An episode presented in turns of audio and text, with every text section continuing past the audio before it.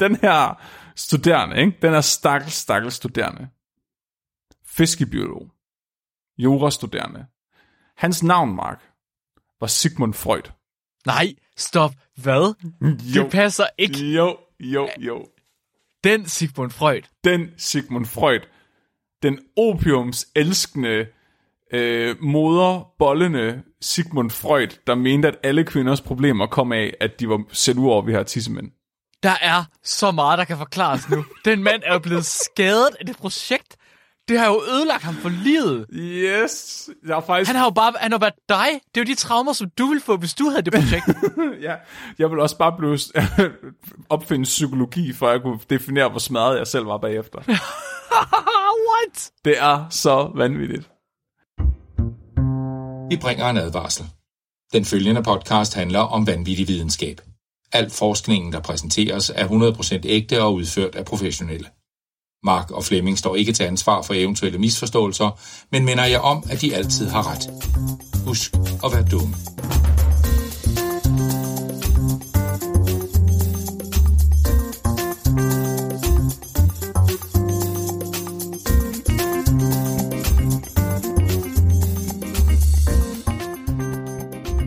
Alle sammen, og hjertelig velkommen til Videnskabeligt Udfordret. Din bro til vanvittig videnskab. Med en vivlstrøm af tænder hersker jeg over og under havene. Jeg er ålenes mester. Jeg er lampretten. Mark. Er nok det mest penisformede dyr nogensinde. Med virkelig mange tænder. Ubehageligt mange tænder. I forhold til din penis. Det, har du set den? Ja, ja, det er derfor, jeg kan sige det, jeg siger. En ålen, eller hvad? Nej, lampretten. Nå, hvad? Hvad? Mark, Ja. vi skal tale om ål i dag. Vi skal tale om ål i dag. Takket være vores praktikant, Sofie.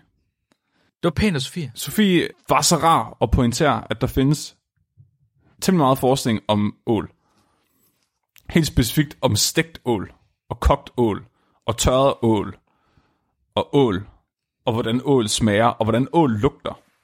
Det er faktisk virkelig underligt. Der er flere tusind artikler, der handler om, hvordan ål lugter, og hvordan ål smager. Flere tusind. Ja, Jeg troede, der var sådan tre. nej. Der, Hvorfor er der flere tusind artikler om det? Det, ja, okay, så jeg har fundet ud af, at det handler rigtig meget om, at kinesere og japanere bare synes, det er rockerfedt at æde ål. Men hvorfor?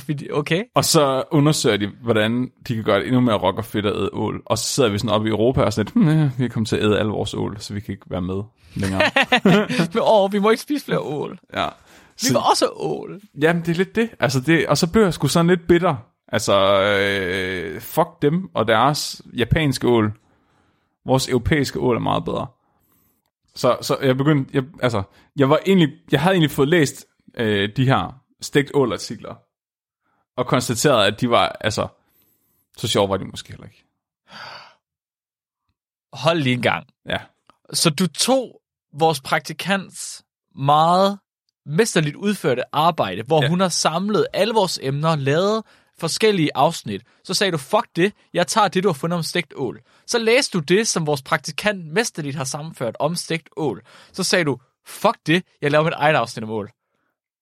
Jeg tror faktisk i virkeligheden mere, at det der skete, det var, at vores praktikant sagde, jeg har lavet alt det her fede arbejde, og så har jeg også fundet noget om stegt ål, men det er ikke så godt. Og så Præcis. sagde jeg, fuck alt det gode arbejde, jeg tager det med ålen, og så fandt jeg ud af, at det faktisk var dårligt. men, så, men, men, det, men, men jeg ved ikke, så er det bare som om, der faldt noget andet ned i skødet på mig. Hvorfor sker det altid for så... dig? Hvordan kan det altid ske for dig? I dag, der skal vi tale om historien om Åle Nosser, og om hvordan at det har noget at gøre med Sigmund Freud, Aristoteles og en kæmpestor dansker. What? Ja, så mange spørgsmål. Ja. Hvad foregår der? Ja. Hvad er det for en dag? jeg ved Er det du okay, Flemming? Nej, jeg ved. Det er som om, altså...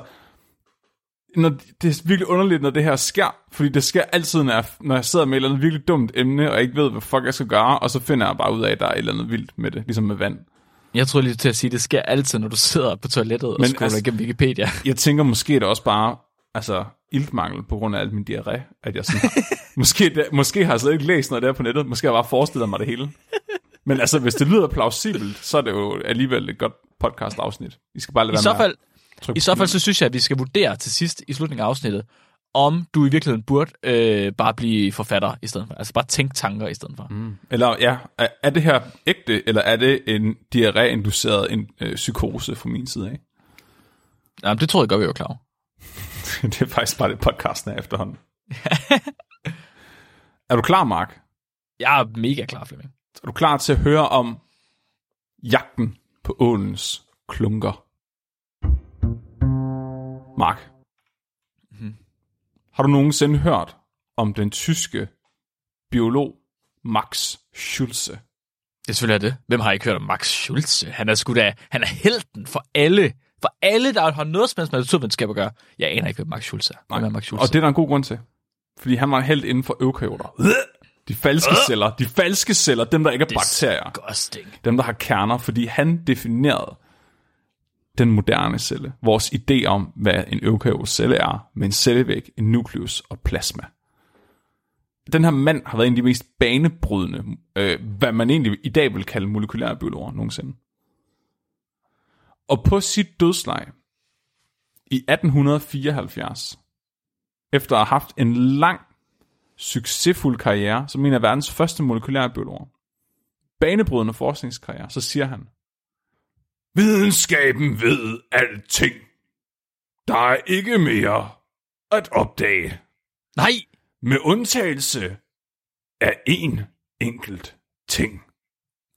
Hvordan boller ål? Er det rigtigt? Ja, ja, ja, ja. Han sagde, at videnskabens sidste store mysterie, det var, hvordan ål formerer sig. Hvor er det fedt. Hvornår sagde du, han døde? I 1874. I 1894. Ja. Hvor, man stadig, hvor man stadig ikke vidste, at man havde lige begyndt at finde ud af, at bakterier var en ting. Der er Ja. lidt. Nej, alle ved jo, at, at infektionssygdomme, det er bare dårlig luft. Vi skal finde ud af, hvordan ålen boller. Ja. Han har bare stået på kanten af sådan det største forskningsfelt nogensinde, og været med til at definere det, som bare sådan, åh, hvorfor ved vi ikke, hvor, hvorfor har ål ikke nosser? Fordi Mark, ål har ingen klunker. Ingen overhovedet? Ål har ikke nogen klunker, Okay. og det har undret mennesket. Nok i virkeligheden har det nok mest undret mænd. Ja, måske. Bare, det var, jeg ved ikke, måske er det derfor, den her historie er så blæst op, fordi at mænd bare ikke har kunnet acceptere, at der var dyr uden klunker. der er virkelig, virkelig mange mænd, der har undret sig over det her. Men der findes der mange dyr, der ingen klunker har. Gør det ikke det? Nu stopper du, Mark. Jeg er i tvivl. Øh, hvad det... Okay, jeg håber, du har researchet der, men jeg er ikke sikker på, du har. Hvad konstituerer en klunke? Gonader. Ja, Gonader, Mark. Og det er... Dem, der laver sædcellerne. Okay. De kunne simpelthen ikke finde, de kunne ikke finde nogen kønsorganer. Altså, de kunne, de kunne heller ikke i hunderne finde æggestokke. Så, så begynder det at blive De mærkeligt. kunne heller ikke finde, altså det er kun klunkerne, der mangler. Der er heller ingen sædledere. Det er som om, okay. Alt det der, der skal til for at lave mere af dyr, det manglede. Så okay, nu, nu begynder jeg godt at kunne følge dem. Fordi hvis der bare mangler klunker, så er sådan lidt... Ja, ja. Men altså... Det er en meget sjovere historie, hvis man bare siger klunker, Mark. Okay, vi, vi fortsætter med at sige klunker. For, for komikkens skyld, så fortsætter vi med at sige klunker. Vi er jo en comedy podcast. Men, det er jo men for at klart. være helt ærlig, Mark, det er også sådan, at forskerne har formuleret mysteriet i sin tid. De har også bare været sådan, hvorfor har de ikke nogen klunker? Altså, de vidste jo godt, alt det andet manglede, men også sådan, hvor fuck er de klunker henne? Hvor er klunkerne? Men, men hvor er klokkeværket? Præcis. Selveste Aristoteles fra det gamle Grækenland var plaget af gåden om åls klunker. Hvorfor har virkelig, virkelig vigtige og dygtige forskere altid så meget tid til at forske i sådan nogle fucking ligegyldige ting? Hvordan kan Aristoteles, manden der... Okay, han havde også nogle rimelig vanvittige idéer. manden, der blandt andet sagde, at børn bliver lavet ved, at vi tager sæd og maser det sammen med kvindens blod, eller hvad det nu var. Var det kvindens varme, eller... Ej, jeg kan ikke huske det. Var det sådan, at jeg kan ikke huske det. Han var i hvert fald gal. Okay, den mand kan jeg måske godt forstå, at han har let efter Oles klunker. Hvorfor har de andre mennesker, som, som har haft virkelig vigtige ting at tage sig af, hvorfor har de også synes, at det var interessant at finde ud af, hvor Ålens klunker er? Men Mark, det er jo ikke... det er ikke interessant at vide, hvor ålens klunker er. Det er mere sådan en form for vrede over, at naturen har præsenteret en for et dyr uden klunker. sådan, det der, det må du ikke. Det er ligesom, jeg har det med, med vaniljeis med ketchup på. Jeg synes Ja. nødvendigvis ikke, det er ulækkert. Det interesserer mig heller ikke, hvordan det smager, men I skal fandme ikke spise det. Det er et brud på naturloven. Ja, lad være med det. Og, hvor, og, det, og det skal man ikke have lov til at gøre sådan noget. Og ålen skal ikke have lov til at svømme rundt uden klunker. Men fuck tror den egentlig, den er. Du, øh, det er en god pointe, det vil jeg sige. Ja. Jeg er meget Jeg er kontakt med min maskuline side. Jamen, det er, det, det er der ingen tvivl om. Nej. Det er der ingen tvivl om. Så, øh, og sådan havde resten af det videnskabelige samfund også i 1874. Det var som om, de mødtes alle sammen og var sådan, da Max Schulz han døde, så var det sådan, Åh, han har ret. vi, må, vi må gøre det for hans skyld. Vi må løse gåden. For æret være hans minde, hvor er de åleklunker. Det, okay, det lyder... Hvis ikke, de havde, hvis ikke de havde fundet ud af det, så var det virkelig noget, som vi skulle prøve at se, om vi kunne finde ud af. Der er mm, måske, måske er der lidt mere til det endnu. Så, øh. Allerede to år efter, der lykkedes det en af hans sådan, efterfølgere at samle forskningsmidler sammen til at undersøge, hvorfor fuck har de her ål ikke nogen klunker? Hvor er de her klunker henne? Har vi bare ikke fundet dem endnu? Så Karl Claus, kæmpe kanon inden for zoologi, med forskningsgrupper i øh, Italien og Østrig, blandt andet. Han, øh, han får penge til at finde øh, ollenosser, olleklunker. Det er klart. Og han, øh, altså, det er jo ikke sådan, han, altså, hvordan, hvordan vil du undersøge det her? Hvis du får en stor pose penge, sådan, find ud af, hvad, hvad, hvad, hvad foregår der med de her fucking klunker, hvad vil du så gøre? Vi skal skære i nogle åls tissemænd. Ja, Skal, Ja. skal jeg sige mere? Er der andre Nej, ting? det er- skal ja, man andet? nej. Er det ikke men bare hvis det, man du nu er forskningsleder, gider du så det? Ja. Hvad, hvad, hvad, hvad er det for nogle spørgsmål, du stiller mig? Selvfølgelig. Du får jo selvfølgelig en studerende til at gøre det. Ah, jeg vil... Okay. Jeg ved godt, at, at det, det, det, vi plejer at sige, at selvfølgelig får man de studerende til at gøre det. Ej, det, men, det, men her- det er skære tissemænd, Mark. Lad nu være. Jamen, det er nemlig det, det, det er Nej, så vigtigt et stykke arbejde. Det kan man altså ikke uddelegere til amatører, Flemming. Det kan man ikke. Det er vigtigt, at man selv står for det. Jeg tror faktisk, at altså, selv hvis jeg fik de her penge og, og, og, så, og midler til at hyre en PhD eller en postdoc under mig, hvis jeg var piger, så havde jeg sagt nej til dem. For jeg havde bare vide, jeg vil ikke, altså, jeg vil ikke kunne være, jeg vil ikke kunne møde op til forsvaret bagefter og se slidesene med tidsmænd, der blev skåret i, eller læ- være peer, altså læse øh, paperet igennem. Der lever du alligevel op til din egen øh, øh, standard, hvor du tidligere har sagt, at man kan sgu ikke, øh, man kan ikke spise dyr, hvis ikke man selv kan slå dem ihjel. Så har du lidt på samme måde her. Man kan sgu ikke komme, altså, man kan ikke øh, have et forskningsprojekt om ålenosser, hvis ikke man selv kan tåle at skære i dem. Jeg lever op til mine egne krav. Jeg siger, det, Ja, ja, ja. ja. Præcis, lige præcis, Mark. Og det er også det, jeg har ikke noget mod at skære pikken af dyr, sammen med resten af dyrets hud. Men at Ja. skære ja. i selve... Nej, det er forkert. Det må man ikke. Det er forkert. Det, er- det er skidt. Så han får selvfølgelig sin 17-årige studerende til at gøre det. Det er klart. Så det må være det, man i dag vil kalde et bachelorprojekt.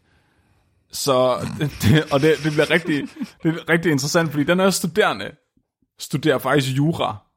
Ja, Jeg ved ikke, hvad der er med universiteter i 1800-tallet. Men den her jurastuderende, som i virkeligheden gerne vil have læst medicin, ender med at lave et, en bachelor inden for fiskebiologi. Ja, selvfølgelig. Det er klart. Ja. Po- polyteknisk, Flemming. ja. Og så var han jo selvfølgelig også tandlæge og paleontolog. det er klart. Ja, altså, så universiteter var bare vilde dengang. Den her studerende bliver simpelthen under sit studieophold sendt til Vienna for at skære i tissemanden på over 400 ål for at se, om den her studerende kunne finde deres klunker.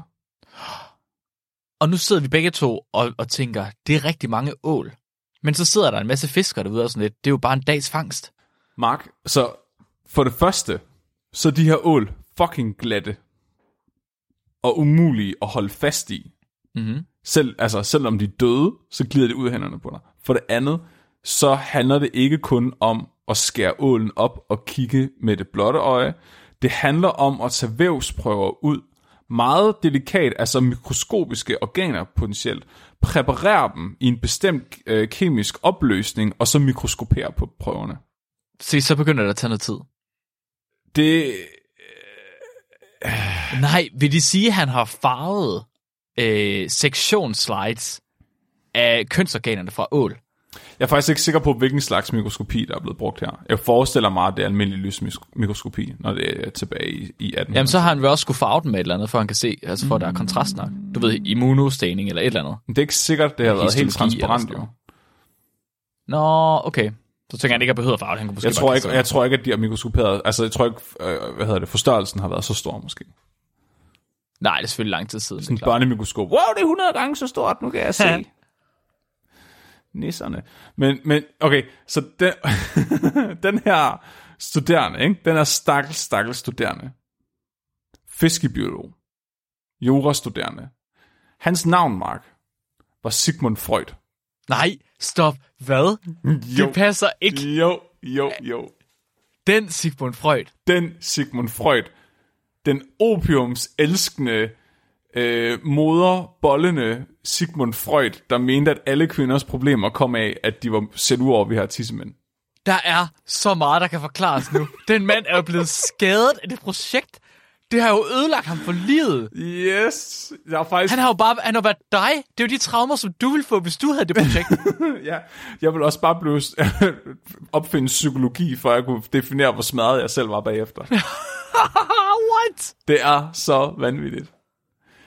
Det, det er så skørt. Øhm, der er faktisk flere, jeg fandt flere videnskabelige artikler, som faktisk prøver at linke, øh, altså de, de er sådan retrospektivt kigger de tilbage på Sigmund Freuds karriere, og det her, det var hans første videnskabelige artikel nogensinde.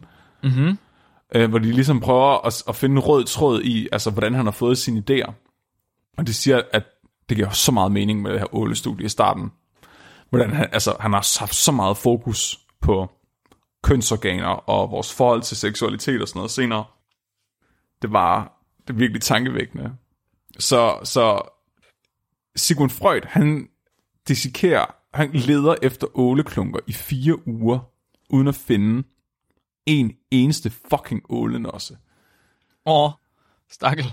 Så, han må, hans, så Sigmund Freuds første øh, peer-reviewed authorship, altså videnskabelig artikel nogensinde, var i 1877, og det er en artikel, der finder ud af, at ål stadigvæk ikke har klunker. Vi har stadig ikke kunne finde dem. nej, nej, det er så vildt. Det er, det er en, en videnskabelig artikel, der ikke har nogen resultater. Og det synes jeg egentlig er meget fedt. Det, fordi det gør man ikke så meget mere længere, og det er lidt et problem også, at folk ikke publicerer, at de ikke finder noget. Men, men det er det her. Observations on the configuration and finer structure of the lobed organs in eels described as testes. Men Ål har undskyld. stadig ingen losser artiklen. Ja, men så artiklen hedder, hvor, sådan her ser klunkerne ud. Men konklusionen er, at der er ikke nogen. Det, det er mere den finere struktur af organer, som nogen vil kalde testikler. Men det er det Okay. ikke. Og det er faktisk sjovt, fordi det er faktisk en virkelig god artikel. Altså, den, han er meget, meget konservativ omkring, hvordan han øh, taler om, om resultaterne og sådan noget. Det, det er faktisk et godt stykke naturvidenskabeligt arbejde, han har lavet. Han prøvede at gemme den her artikel væk resten af sin karriere. øh, han var 21, da det blev publiceret, og, og på alle hans øh, efterfølgende, øh, hvad man vil kalde det, CV eller øh, artikelsamlinger og sådan noget, der er den væk. Altså han har prøvet at fejre den væk og glemme, at den fandtes. Det er meget sjovt. Altså jeg vil jo reklamere med den. Jeg vil være sådan, Ja, "Prøv lige jeg at se, skulle lige til at sige. Jeg er så ærgerlig over, at det ikke var min første artikel. Men Mark, i år, i år er Ja. året, hvor vi får sådan en artikel udgivet. Jeg håber, jeg håber inderligt. Måske skulle vi bare dissekere 500 æg, og vurdere, at æg stadig ikke har nogen klunker. Hvad så, hvis vi lige pludselig finder et? Det vil faktisk være banebrydende Klunker i æg. det, Ja. Nej, Mark, det er fordi, du har glemt at tage bukser på. Nu, Nå, for helvede. Se. Mark, tag nu din klunk ud af mikroskopet. så, så den her artikel, altså jeg vil faktisk anbefale, at man kigger den igennem, hvis man har tid. Han laver øh, over 12 forskellige håndlavede optegninger af, hvordan deres kønsorganer ser ud. Altså det, der, det der sidder dernede, hvor, hvor kønsorganerne burde være i hvert fald. Mm-hmm. Og han laver dem baseret på, hvad han har set i mikroskopet.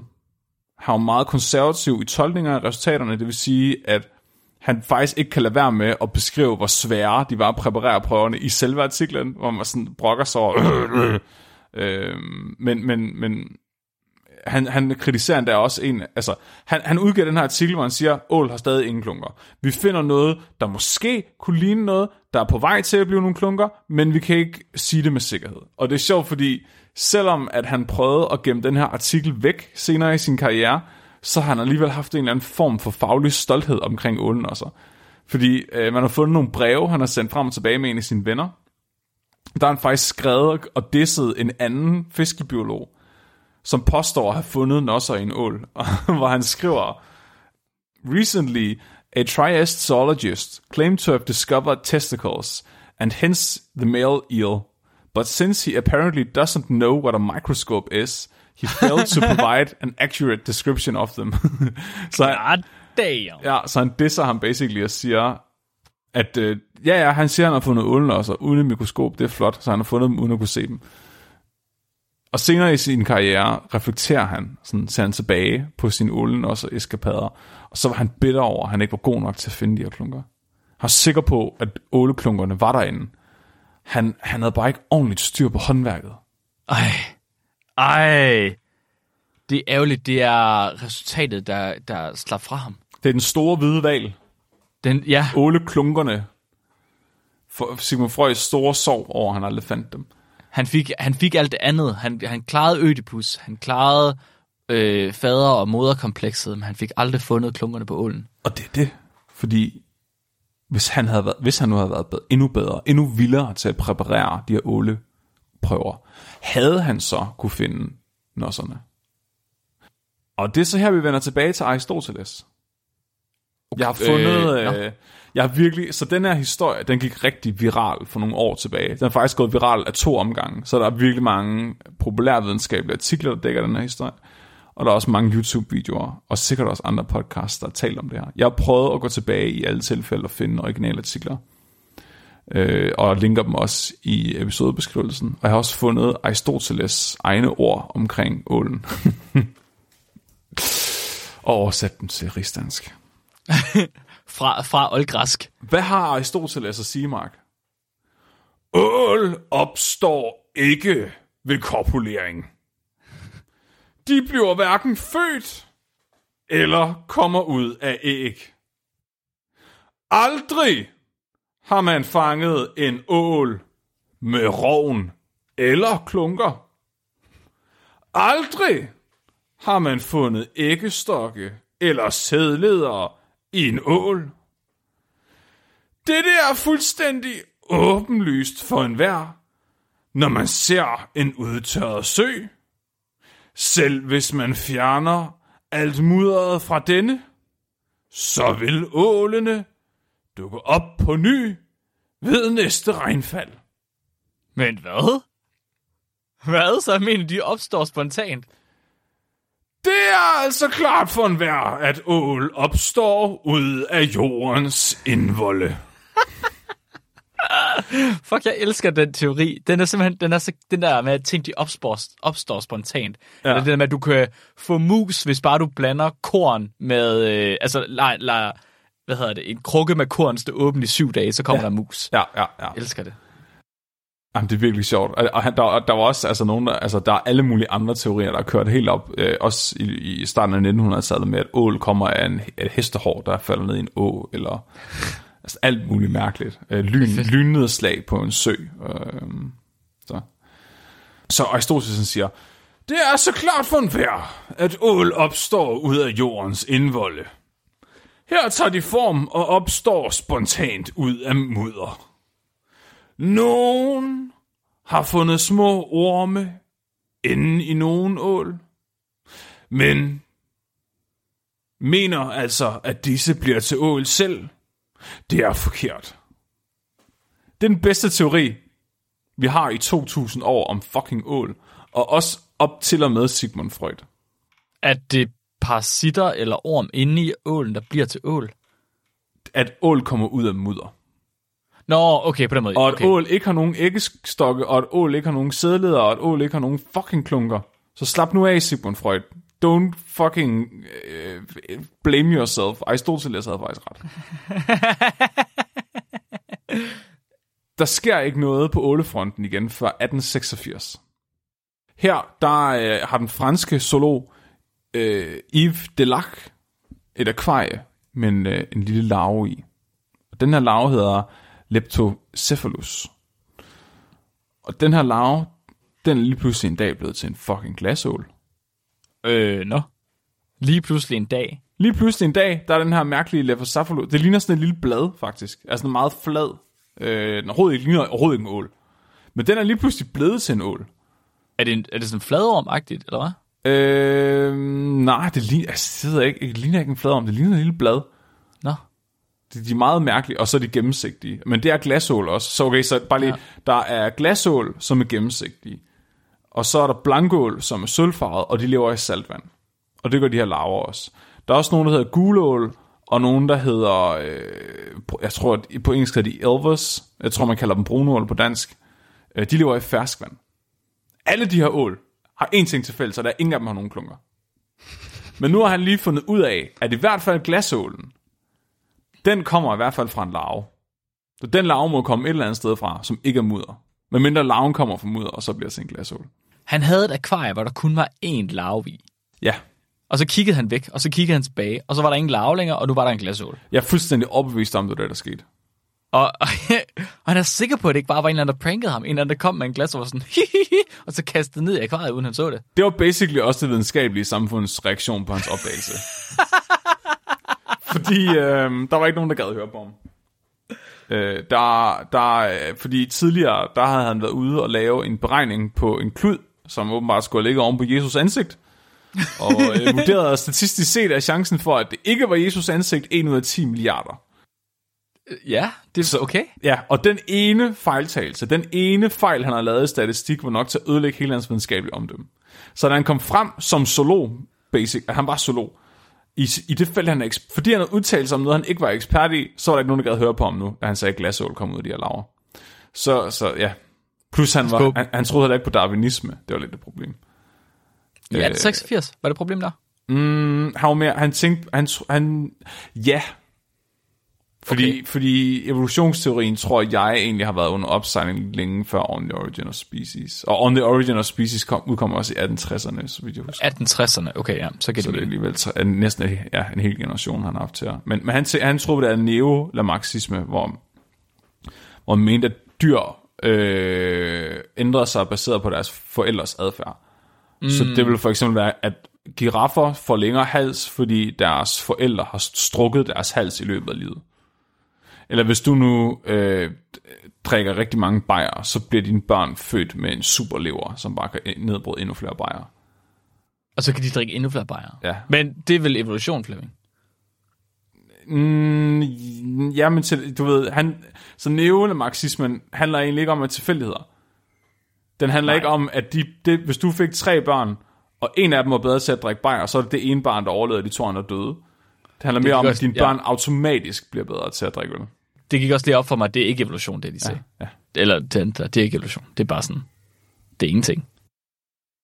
Så, øh, det, det, og det er lidt fucked. Der er ikke nogen, der tror på ham. Der er ikke nogen, der gider at høre på ham, fordi han lavede den der ene fejl. Og jeg er sådan virkelig, virkelig, virkelig, virkelig nøjeren på nu, fordi jeg skal til at undervise i matematik på universitetet. Og jeg er sådan lidt, fuck. Hvad nu, hvis jeg laver en fejl? Så er der gør ikke nogen, der på mine baktuser. Ja, det gør det nok. Jeg lover dig, at du laver en fejl. Jeg skal bare sørge for, at det kun er foran de studerende. Der er nogen, der vil tro på dem. Der går 10 år. Der går 10 år mere nu, på grund af det her, før man kommer videre. Og det sker, da Giovanni Battista Grassi, han opdager, at Leptocephalus bliver til en glasål. Lept, jo, Leptocephalus. Jeg tror, vi kalder den ålelarven på dansk. Han opdager nøjagtigt det samme som Eve, bare 10 år senere. Og så verden, public- går i, verden går i spåner. Fuldstændig. Jeg, har, jeg fandt hans, øh, hans originale publikation fra The Royal Society of Science fra 1896 er indscannet og ligger faktisk på ResearchGate, mener jeg. Jeg lægger den op i episodebeskrivelsen. Jeg har været læse, hvordan han publicerer sine resultater. Fire års kontinuerlig forskning har kronet mig med en succesfuld opdagelse, der overgår den vildeste fantasi. Jeg har formået at afgøre en af de største mysterier omkring ålens udvikling. de har bare, alle mænd har bare gået alt for meget ved ålen også. Hvorfor er det så vigtigt for dem? Jeg forstår det ikke. Det er det magtproblem. Siden jeg har løst et mysterie, der har gået mennesket siden Aristoteles tid, synes det mig ikke helt ufortjent at præsentere det royale selskab for videnskab for et uddrag af mit arbejde. Og så fortsætter han ellers i 12 sider med random, hvordan han har fundet ud af, at den her larve bliver til glasål. Som Hvordan har han fundet ud af det? Han havde bare gjort det samme som I, altså kigget på mit akvarie. What? Fire års kontinuert arbejde, det vil sige, jeg havde en student, der kiggede på den i et akvarie, fodrede den gang imellem. Hvorfor er der aldrig nogensinde nogen, der har opdaget det tidligere? Det forstår jeg ikke. Der var ikke nogen, der havde givet have dem i et akvarie, jo. Var det en dårlig larve? Var den grim? Var den træls? Det ved jeg ikke. Hvorfor, altså, hvis du nu havde et akvarie, vil du så vælge at tage en fucking larve? Nej, men okay. Tilfældigvis har mennesket opdaget op til flere forskellige typer af ål. Hvordan i alverden kan det være, at vi ikke tilfældigvis også har opdaget, hvad de der ål, de kommer af? Men, men, men, men det er fordi, de er så morfologisk forskellige. Altså larven og glasålen, de ligner to helt forskellige. Det er ligesom en haletus og en frø. Men det vidste vi jo godt. Jamen det er fordi, vi har kunnet se det ske jo. Frøer, de ligger og boller over alt. De der, men de der laver, de må også komme ud af ålen på en eller anden måde. Ja, det er en god pointe, Mark. Men der er ikke nogen, der er stadig ikke nogen, der har set, hvor larverne kommer fra. Det eneste, vi har fået dokumenteret indtil nu, det er, at larven bliver til en glasål. Hvorfor kommer larven fra? Det er der ingen, der ved. Så den kommer stadig ud af mudderet. Højst sandsynligt. Altså, det er. Ja. den eneste. Eller hvis en mand har, har afgang i vandet. Ja, det må det være. Det er faktisk i virkeligheden menneske, de menneskebørn, der ikke får lov til at komme ind i en kvindeæg. Der sker ikke nogen ordentlig fremskridt inden for åleklunker, før en dansker træder til. Sådan. Endnu en stor, usungen held inden for dansk videnskab. Bryder denne podcast. Johannes Schmidt. Johannes Schmidt. Johannes Schmidts karriere var at følge efter tang. Ja, ja, det... Huh. Ej, jeg får det varmt her. Hold kæft, det... Fik han Nobelprisen også? Øh, nej. Han fik en... Uh, nej. Hvad fik han? Jeg ved, at... Øhm... Jo, han fik en Darwin-medalje, hedder det. Så okay, ikke en Darwin ja. Award. Så en Darwin Award bliver givet til folk, der dør på en virkelig dum måde. En Darwin-medalje bliver givet til en person, der laver en sej opdagelse inden for dyrs livshistorie og sådan noget. Zoologi. Okay. Men han, øh, han har åbenbart kedet sig med at følge efter tang. Jeg ved ikke, om det er for nemt at følge efter tang. Så han begyndte også at følge efter de her laver imens. Han var sådan, okay, jeg, altså, det her tang går ingen steder, jeg kan lige så godt kigge, hvad der ellers er i vandet. Så han, Bliv, tak, bliv! Bliv så, bliv stående, jeg går lige 10 minutter. så han, han begynder bare at kigge på de her laver. Altså det, han finder nogen øh, inde på, på Naturhistorisk Museum i København, der er udstoppet, og han finder nogen ud i vandet, og han, han går sådan og samler lidt på dem. Det er sådan en hobby-ting. Det er ligesom, der er nogen, der tager, samler pæne sten op og sådan noget. Ja, det er det samme, Flemming. Så, så, men, men, og den her hobby, den begynder at blive lidt mere alvorlig i 1904. Fordi her der er han ude på farvandet mellem Island og Færøerne. Og der ser han også de her fucking laver. Og det er der ikke nogen, der har set før. Det er første gang, man finder dem ude i Atlanterhavet. Indtil da mente man kun, at de fandtes i Middelhavet. Det der basically var banebrydende med det her, det var, at der ikke nogen, der havde fundet dem så langt ude før. Så før man mente kun, de fandtes i Middelhavet. Øh, og tættere inde ved kysterne. Så det betyder jo øh, Johannes hjerne, at de kan komme længere ud, end man har regnet med. Der må være et eller andet til det her. Så, så først, havde han, først havde han tænkt, at fordi de her laver er langs kysten, så må det jo være, fordi ålene, de yngler øh, langs kysten, og så svømmer de ud og lever ude på det dybere vand bagefter. Det er der mange fisk, der gør. De gyder på, la- på lavt vand, og så svømmer de ud på dybt vand og er voksne, indtil de skal ind og bolle og gyde igen. Så han tænkte, mm-hmm. det må ålen også gøre, og det er derfor laverne er herinde. Nu ændrede hans hypotese sig. Fordi man kunne jo tænke, det er bare en larve, der er kommet på afvej. De er jo de er rimelig talentløse. Det, det, altså, de er jo bare nogle fucking blade, der er lavet ud af fisk. Men, men dem, han fandt herude, de er jo mindre, end dem, han fandt inde langs kysten. Så han tager tilbage til, til, øh, til øh, København og kigger på Naturhistorisk Museum, og der finder han en anden larve, der også er fundet i Atlanterhavet, og den er også mindre end dem, han finder langs kysten. Så han begynder bare at fange dem. Hver gang han ser dem, så tager han dem, og så måler Åh, han nej. dem. Åh oh, nej, så lige pludselig, så bliver det ligesom den der dinosaurhistorie. Så har han verdens største samling af de her, hvad hedder det, hvad var det, hed, leptocephalopoder. Øh, det kan jeg ikke. Nå, ja, laverne. Ja, Ja, ja, ja, ja, ja. det, så det, så har han verdens største, Ja. verdens største samling af de her laver her, og så får han lavet banebrydende opdagelse på baggrund af, at han har verdens største samling ja. af laver. Ja. Det, det, åh, det er virkelig low. Det er virkelig, altså jeg synes det er genialt, fordi det er, så, det er så simpelt og elegant et forsøg det her. Fordi så måler han dem, og så sætter han en nål i kort. Okay, her fandt jeg en, der var 5 mm, her fandt jeg en, der var 6. Dun, dun, dun, dun, dun. Så kunne han se, at de blev mindre og mindre, jo længere han kom væk fra kysten. Sådan meget mindre lige pludselig. Så han begynder at spore sig ind på, hvor fuck kommer de fra? Men han bliver ved med at finde dem længere og længere væk. Altså som vi er fucking langt væk fra Europa. Og efter 20 år, så finder han endelig ud af, hvor han mener, de kommer fra. Han finder dem fucking hele vejen i Sargassohavet over ved Karibien. What? Og her der finder han nogen, der er så små, at de stadigvæk har lidt af blommen på sig fra det æg, de kom ud af. Men han finder ikke nogen æg. Så det, der er særligt ved Sargassohavet, det er, at Sargassohavet har ikke nogen kystlinje. Altså, Sargassohavet har kun grænser op til andre have. Så det, det er sådan en strøm, der kører, det, det er sådan en strøm, der kører rundt om sig selv, ligesom når man skyller ud i lokummet, bortset fra at det ud midt i havet og går meget langsomt. Så det er sådan et hav ind i et hav.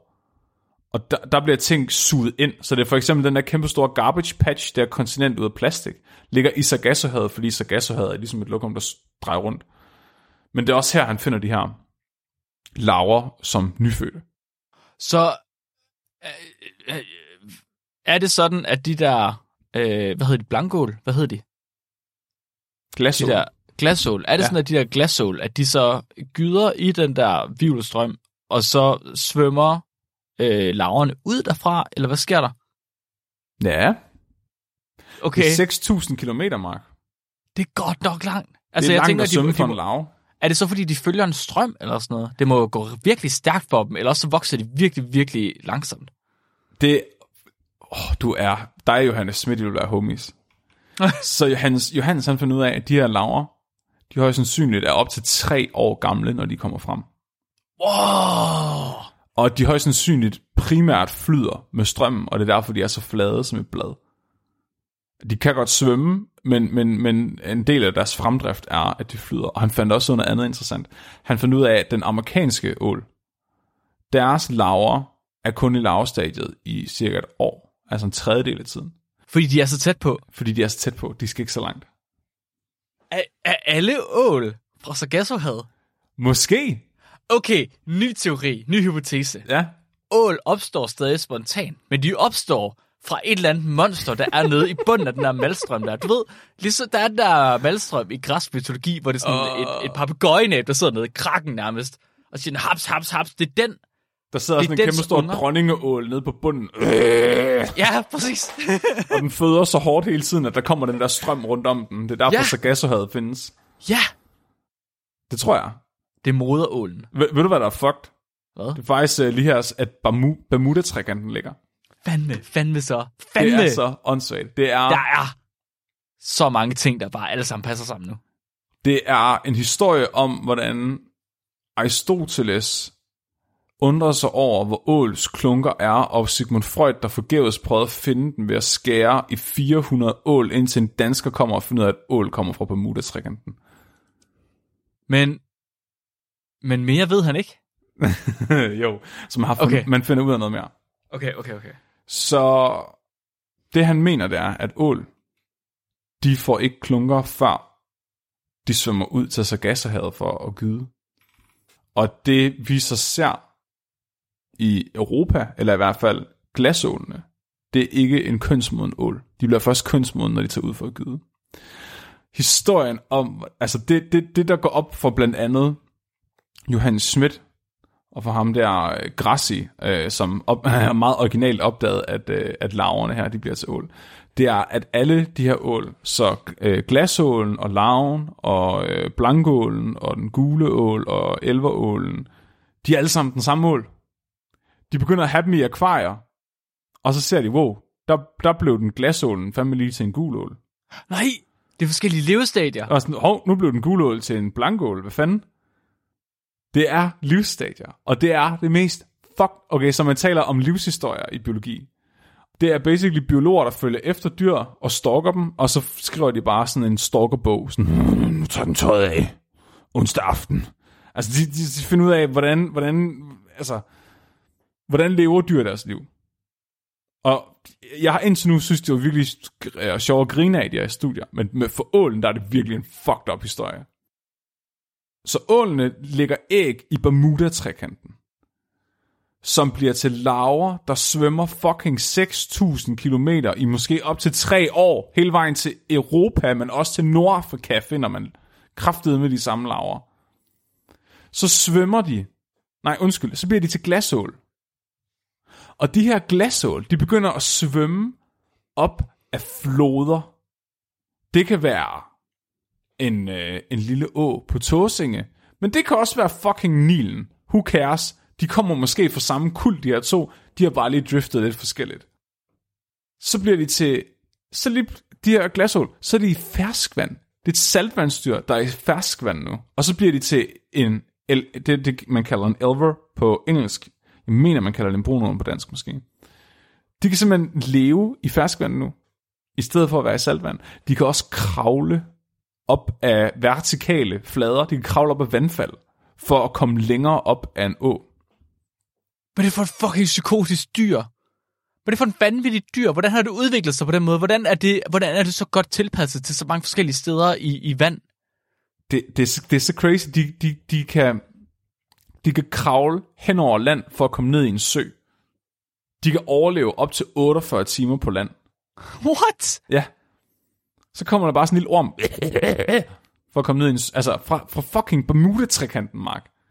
De ål, at min oldemor har stanget, har, kommer fra Bermuda-trekanten. Hendes klamme ålesuppe, som der ikke var nogen, der gad at spise, kommer fra dyr, der er født i Bermuda-trekanten. Når de her ål så finder et sted at bo, måske en lækker sø på Tåsinge, måske i Nilen, øh, hip som hap, potato, potato, så bliver de til gulål. Og de her gulål, det er, det, det, det er basically sådan, ålen lever størstedelen af sit liv. Øh, hunderne lever som gulål i lidt længere tid end hannerne i gennemsnit, men det er alt imellem 12 til 20 år, at de er gulål. Lige pludselig, og der er ikke nogen, så vidt jeg kunne læse mig til, så er der ikke nogen, der ved hvorfor. Der er ikke nogen, der ved, hvad der udløser det. Lige pludselig er den her gulål, fuck it. Så bliver den til en blankål. Det er det, man kalder en silver eel på engelsk. Og så mister den fucking evnen til at spise. Nej, hvad? Ja, Hvad? Hvorfor? det, gør, det har den bare ikke brug for mere. Den siger, fuck it, nu faster jeg. Nu tager jeg på en pilgrimsrejse. What? Så siger, den, så siger Sølund, fuck it, så kravler den ud af gadekæret i Gamle Lyby. Så begynder den bare at kravle hen over græsset, indtil den kommer ud i havet.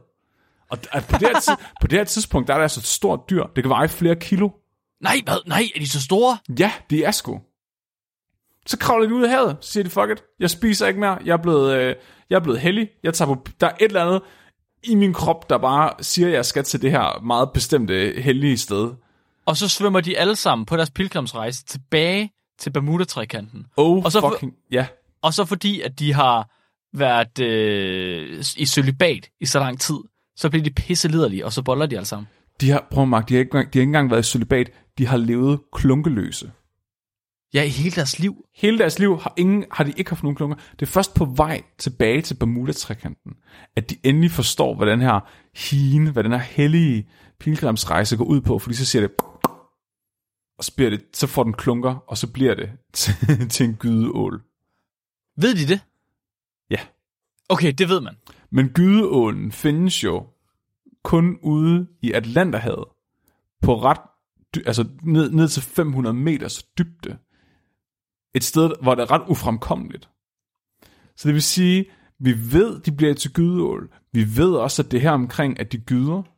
Men så vidt jeg kunne læse mig til, så har man stadigvæk ikke set det in action. Man har ikke observeret ålene øh, bolle og gyde og lave laver. Okay. Vi ved det et eller andet sted i Bermuda-trikanten, og det har vi vidst siden, at Johannes Schmidt, han kiggede på dem i starten af 1900-tallet. Det fucker virkelig med min hjerne. Hvor jeg håber, at der er rigtigt... Jeg kan, ja, okay, så mange ting her. Så vanvittigt mange ting. Det er jo et sindssygt dyr, det her. Jeg forstår slet ikke, hvordan at vi... Hvordan, jeg forstår godt, at vi har kunne tro, at det var forskellige dyr. Fordi det var sådan, vi karakteriserede dyr på et tidspunkt, når de var meget forskellige, så var det to forskellige dyr. Ja, Vi har aldrig tænkt over, at det skulle være et, et fucking livsstadie, eller et, et, altså, forskellige livsstadier. Det er jo vanvittigt. Jeg forstår også godt, hvorfor der er tusindvis af artikler på ål.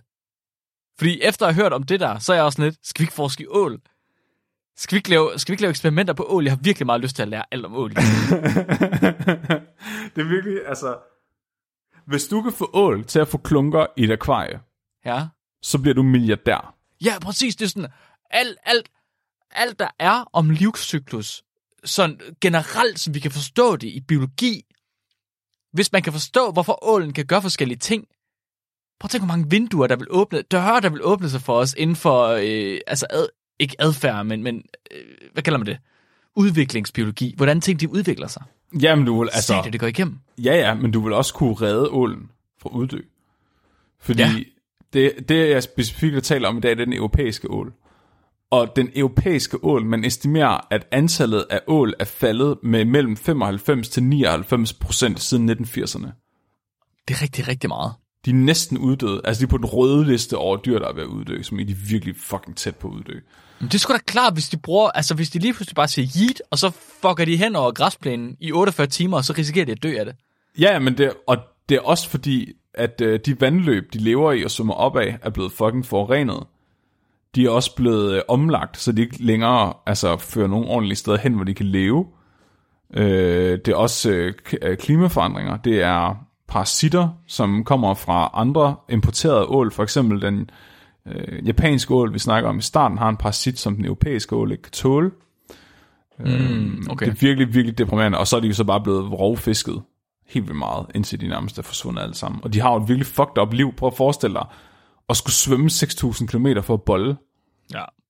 Altså, hvad, hvad, hvad er der galt med dem? Så, men selv, selvom man har fundet ud af, hvor troede de er, så, så tænker man, okay, man, øh, inden for EU, der fanger vi 150 tons glasål, og opdrætter dem til gulål for at spise dem.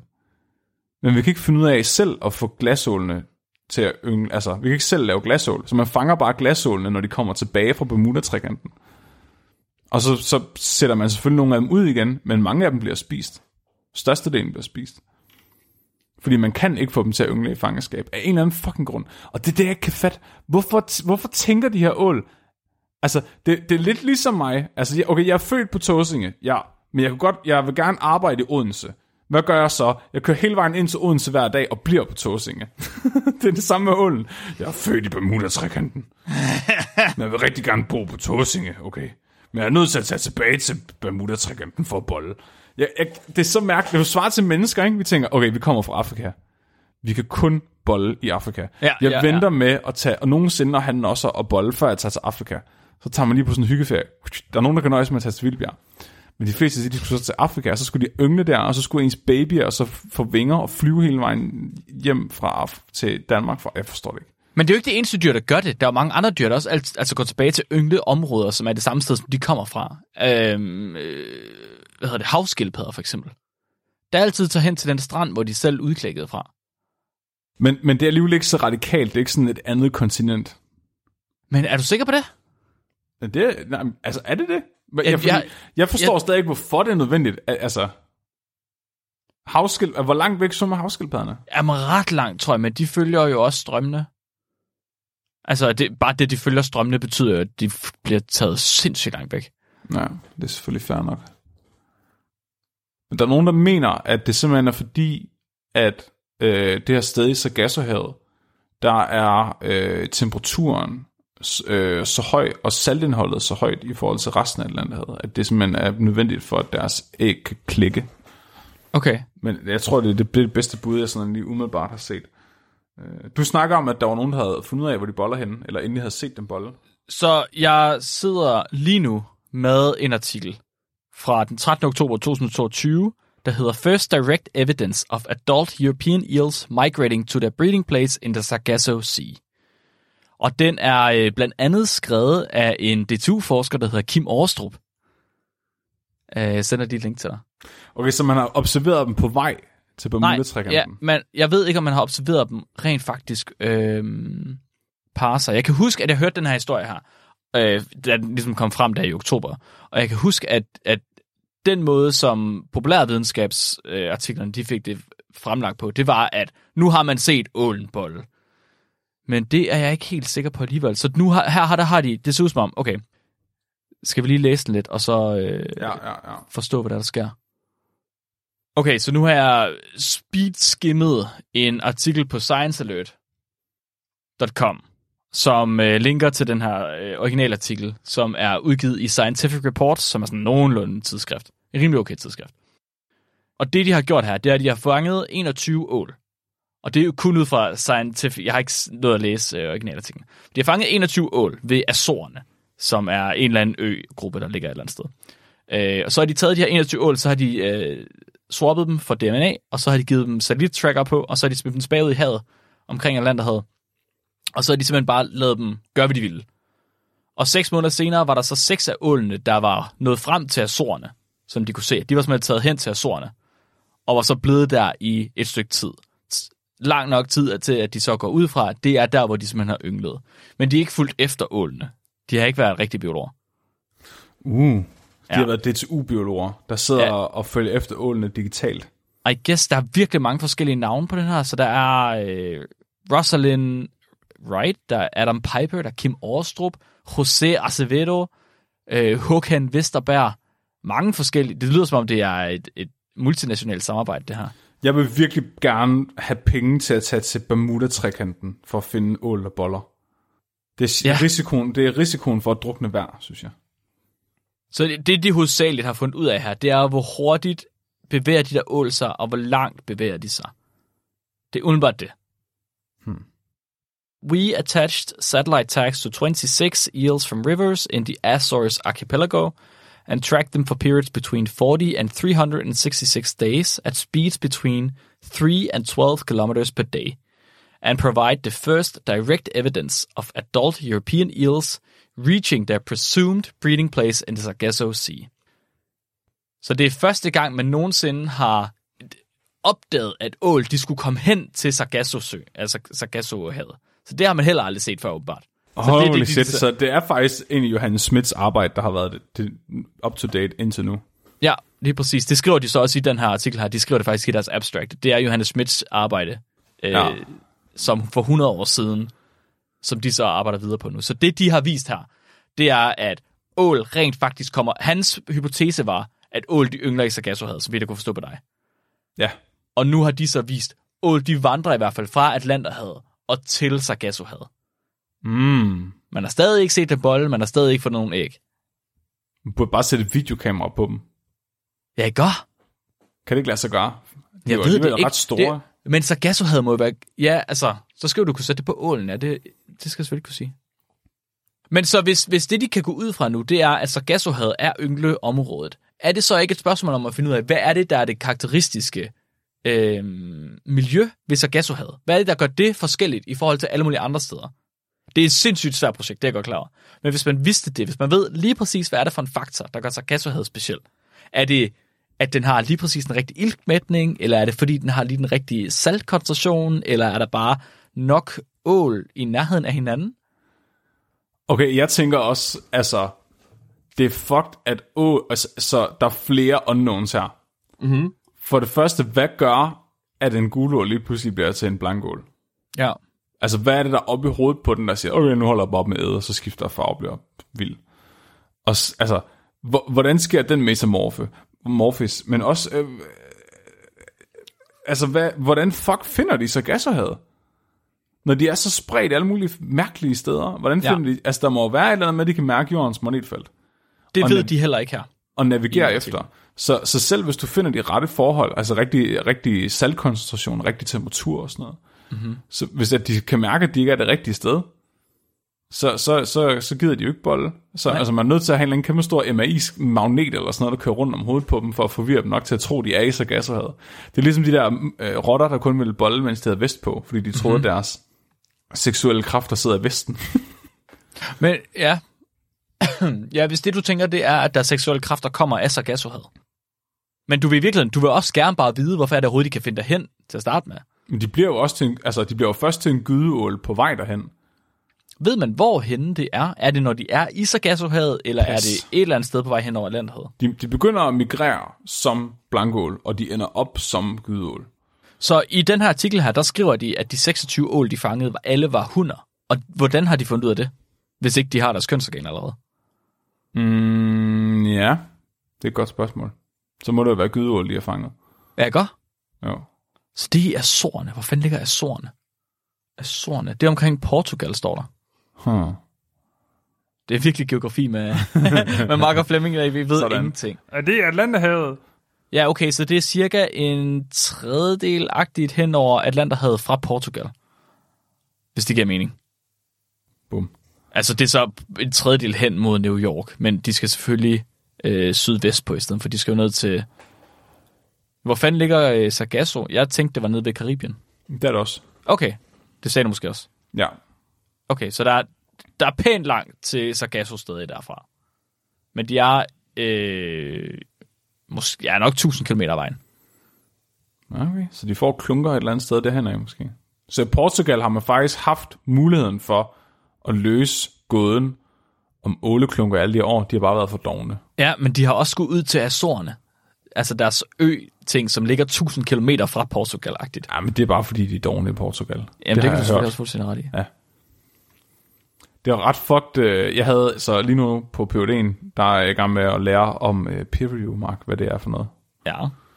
Og øh, Wow, det skulle da godt, du, øh, du endelig vil være der. ja, ja, det må man sige. Jeg føler virkelig, at jeg får noget ud af mine timer lige for tiden. Øhm, og der, men der faldt jeg så lige over noget, fordi nu er jeg jo biased, fordi nu har jeg lige har, siddet og hørt på den hele dag. Øh, så Johan Schmidt, han prøvede faktisk at udgive øh, den her artikel, som man stadigvæk citerer i dag åbenbart, 100 mm-hmm. år senere. Den blev afvist. Nå, The Royal Society of London afviste den under peer review. Det vil sige, at han samlede sine data, skrev en artikel, sendte den ind til London for at få den publiceret. Men da andre forskere så læste artiklen, afviste de at udgive den. Fordi de mente ikke, at hans opdagelser var banebrydende nok. De mente, at det, som øh, Grassi havde opdaget, da han opdagede, at laverne blev til glasål, i virkeligheden var fyldskørende. så den her mand, han havde brugt over 20 år på at indsamle laver og systematisk sammensætte lokationsdata med størrelsesdata. Og på den måde havde han påvist, at de migrerer for at gyde. Og alligevel, så synes de ikke, det var nok. Nej, og så argumentet for, at det ikke var nok, det var at den her Grassi, som har opdaget noget, der allerede var opdaget 10 år tidligere, Ja. lavede et stykke arbejde, der var så godt, at det ikke var nødvendigt at publicere mere inden for det. What the fuck? Ja, ja. Det, men, men heldigvis sendte jeg så artiklen til Tyskland i stedet for. Og så blev den publiceret i Tyskland i 1912. Okay, okay, okay, okay, okay, heldigvis. Den, uh, Ålens livshistorie hedder artiklen på tysk. Sådan, sådan, ja. sådan. Vi skal have mere dansk forskning inden for ål. Det er vi nødt til. Sidder der en øh, phd studerende eller en, en, øh, en, der er færdig med sin Ph.D. i øh, ål derude, så må I endelig tage kontakt til os. Vi vil gerne høre rigtig meget mere. Jeg vil bare gerne høre, om der er en ål, der hører med. Ja, det vil jeg også gerne. det er lidt mærkeligt. Det kunne være sejt. Har du nogensinde smagt stegt ål? Ja, det har jeg. Jamen, jeg kun en enkelt gang. Det smager altså okay. det er ikke fordi, jeg er ikke sådan, jeg er ikke sådan, at det er sådan fuldstændig banebrydende, men det smager okay. Ja. Jeg, jeg forstår ikke helt, at vi sådan fisker dem ihjel for at spise dem. Men Jeg ved, der var barn, der blev fisket fucking meget ål på Tåsinge. Ja. Helt vildt meget. ja. Vi fik ål hele tiden. Hver gang der var påskefrokost eller et eller andet, der var bare stegt ål eller røget ål. okay. Det var min, øh, min farfars bror, han fik så meget, øh, hvad hedder det, røget ål, at han fodrede sine hunde med det. Ja. Og nu eksisterer den snart ikke mere. Nej, det er, fedt. det er indbegrebet af at være menneske på Ja, Tåsinge. det er det fandme. Hold kæft, hvor er det vanvittigt. Jo mere troet dyr er, jo bedre smerte. Ja, præcis. Det er faktisk det lækreste dyr, det er det, der er uddødt. Ja. Så kan man smage dem i sine egne tanker. Nej, men der, Mm, ja, der, hvidt der, der, ham der, der er ham der, øhm, i, øh, hvad hedder, den hedder den der kæmpe store amerikanske stat, der ligger op nordpå. Alaska. Nå, den, okay. Der er en dude i Alaska, der fandt en øh, mammut i permafrosten, som øh, fucking tilberedte noget af den og, og spiste den. Okay. Havde den, den var vel bare fryserbrændt, går ud fra. Mm, ja. Den, Den smagte den, vel ikke godt. Det sagde han ikke noget om. Han- sagde, det smagte meget specielt. Okay, så han sagde, han sagde, at den smagte ikke godt. Det tror jeg lidt. Det er Måske det samme. Det er det samme. Det er det samme. Det var, hvad jeg havde til dig i dag, Mark. Jagten på ålens klunker. Jeg havde aldrig nogensinde troet, at jeg skulle blive interesseret i ål, eller øh, ålens livscyklus. Men det her, det er en virkelig god historie. Jeg har virkelig lyst til at vide mere. Jeg, det forvirrer mig så meget, at der er et dyr, hvor vi kender til dens livscyklus på den måde. Et, et så, hvad kalder man det? Et stort, kendt dyr. Jeg har aldrig nogensinde haft så stor øh, en lyst til at se en ål bolle før nu. Nej, mere. Giv mig. Hvordan boller et dyr, der allerede er en penis? Jamen, de fægter med hinanden. og så sprøjter de bagefter, gør det ikke det? Det er ligesom sådan noget tentakel noget, bortset fra, at det kun er tentakler. Jamen, det er ligesom de der snegle der, de, eller fladorm, der fægter, øh, og så stikker de, så spider de hinanden. Åh oh, gud, nej, det havde jeg faktisk overhovedet ikke brug for, om at blive mindet om, Mark. Har vi nogle lytterspørgsmål? Det har vi. Vi har fået et lytterspørgsmål af Felix. Og vi, kommer lidt, vi går lidt væk fra havet, men vi bliver i madens verden. Så Felix... Og øh, der er, jeg ved ikke, om der sker noget med lytterspørgsmålet, Flemming, men øh, du må lige sige til, hvis vi har haft der før, for jeg kan simpelthen ikke huske det, og de er ikke streget ud længere. Er det rigtigt, at ris ikke kan koge på Mount Everest, fordi vands kogepunkt er lavere? Wow. Wow, wow, wow. Mark, Ja. Hvis kogepunktet er lavere, så koger det vel hurtigere. Er det så ikke nemmere at koge risene? Øh, er vands... Jo. Så meget kan kogepunktet heller ikke falde ved med. Altså. Jeg tror faktisk, det er ret, ret voldsomt ved 5.000 meter. Er det det? Ja, jeg tror, det er rimelig voldsomt. Det, altså, det er jo så voldsomt, at øh, almindelige mennesker i godsøjen, så altså os, der ikke er tilpasset trykket derop og iltkoncentrationen derop, vi kan jo ikke holde til at være derop. Men vil det sige, at ens vand måske koger væk så hurtigt, at, at risene slet ikke når at blive kogt, og så er det bare fordampet? Nej, for det koger jo ikke, altså, det er jo ikke, det er jo ikke sådan, kogning fungerer. Hvad? Når det er 100 grader, så skal du jo tilføje energi for at få det til at fordampe det hele. Ja, Men du kan, det er jo ikke sådan, at du kan få det til at fordampe hurtigt. Du kan ikke få det over 100 grader. men du tilfører jo energi, der skal jo, der er jo mere af den energi, som, du, som kommer fra opvarmningen, som kan blive en del af faseovergangen, i stedet for at være en del af opvarmningsprocessen. Nej, men er der det? Hvis du det er ikke- leverer den samme mængde energi til et stof, der har lavere ko- kogepunkt, Åh, jeg kan allerede høre både min far og min bror skælde mig ud nu, fordi det, altså, det, de har sådan en fasediagram, hvor de bare altid sådan, "Jamen, det er bare lige det der, det skal du bare lige vide, det er bare lige sådan, at det fungerer, og så er der tri- trippelfasen, og sådan, ja, mm, yes, jeg forstår alt, hvad I siger. Men det er jo ligesom, det er jo ligesom at tage øh, alkohol for eksempel har lavere kogepunkt. Ja, Bare men det betyder bare, det, det 80 betyder bare, det, det koger ved en lavere temperatur, men det betyder ikke, det koger hurtigere væk. Det er jo ikke, fordi Hvis du, du, kan... tager, hvis du tager 1 dl alkohol og 1 dl vand og stiller på, på et kogeblus hver i, i identiske gryder ved samme temperatur, Ja. så, så er alkoholen jo væk først. Ja, fordi at dets kogepunkt ligger ved en lavere temperatur. Hvis Ja, du, men de har jo fået samme på- mængde, men du har brugt samme mængde energi Jamen, det, okay, over det, tid. okay ja, det virker som om, du stiller to forskellige spørgsmål så. Nej, nej, nej, nej. Jo, du spørger om, hvis noget er på kogepunktet med det samme, hvis vi tager to ting, der allerede koger, der er lige meget af det, hvor lang tid vil det så gå, før Nej, at nej, det nej, forsvinder? nej. Det var det, jeg hørte til at starte med. Okay, nej, det er ikke det, jeg mente. Okay, men så er jeg enig med dig, fordi at øh, etanol, det koger bare ved lavere temperatur. Ja, jeg kan godt se det. Jeg kan godt se, der er en i Discord, der har sendt øh, fasediagrammet for vand. Åh, oh, nu får Mark, han får tics. Der er sådan nogen, nogen har sådan en barndomstram over bæltet, og sådan, åh oh, nej, nu får jeg tæv igen. Mark er sådan, han har fået tæv med et facediagram. Ja. Nu er hans, hans hjerne slukket. Det er ligesom med hønen, når, når man vender den på hovedet. Han er helt Er jeg væk. dum? Er trykket, trykket er lavere højere? Ja, trykket er lavere højere op. Kæft, hvor er jeg dum. Og kæft, hvor føler jeg mig dum, når jeg sidder her og skal prøve at huske sådan noget termodynamik. De, altså, ud af hovedet, og jeg bare ikke kan noget af det. Spørg mig ind til noget med polymeraser i stedet for. Jeg ved, Spørg jeg ved, DNA, jeg ved, hvad du går ikke. Jamen, jeg, min, min, far, min far er sådan der, hvis jeg ikke kan se forskel på ved og byg. din, far, din far er sådan der, når du ikke kan, når du ikke kan finde ud af at aflæse et, et facediagram. Det er også lidt pinligt. Burde man ikke vide det? Eller, eller hvad? Har du ikke været instruktor i... Øh... Nej, i nej, okay, ikke i fysisk nej, kemi? nej, okay. nej, nej, nej, jeg rører ikke. Nej, jeg kan, jeg kan godt. Hvis jeg får lov til at sætte mig ned og kigge på Wikipedia samtidig, så kan jeg da godt termodynamik. Nok. Men for satan. I virkeligheden, så prøver vi alt for meget at svare på det her spørgsmål ordentligt. Jamen, det gør vi. Jeg tror, i virkeligheden handler det om, at risen ikke har lyst til at være så højt op. Det er ikke naturligt for dem. Flemming, du redder dagen. Du redder dagen. Selvfølgelig er det det.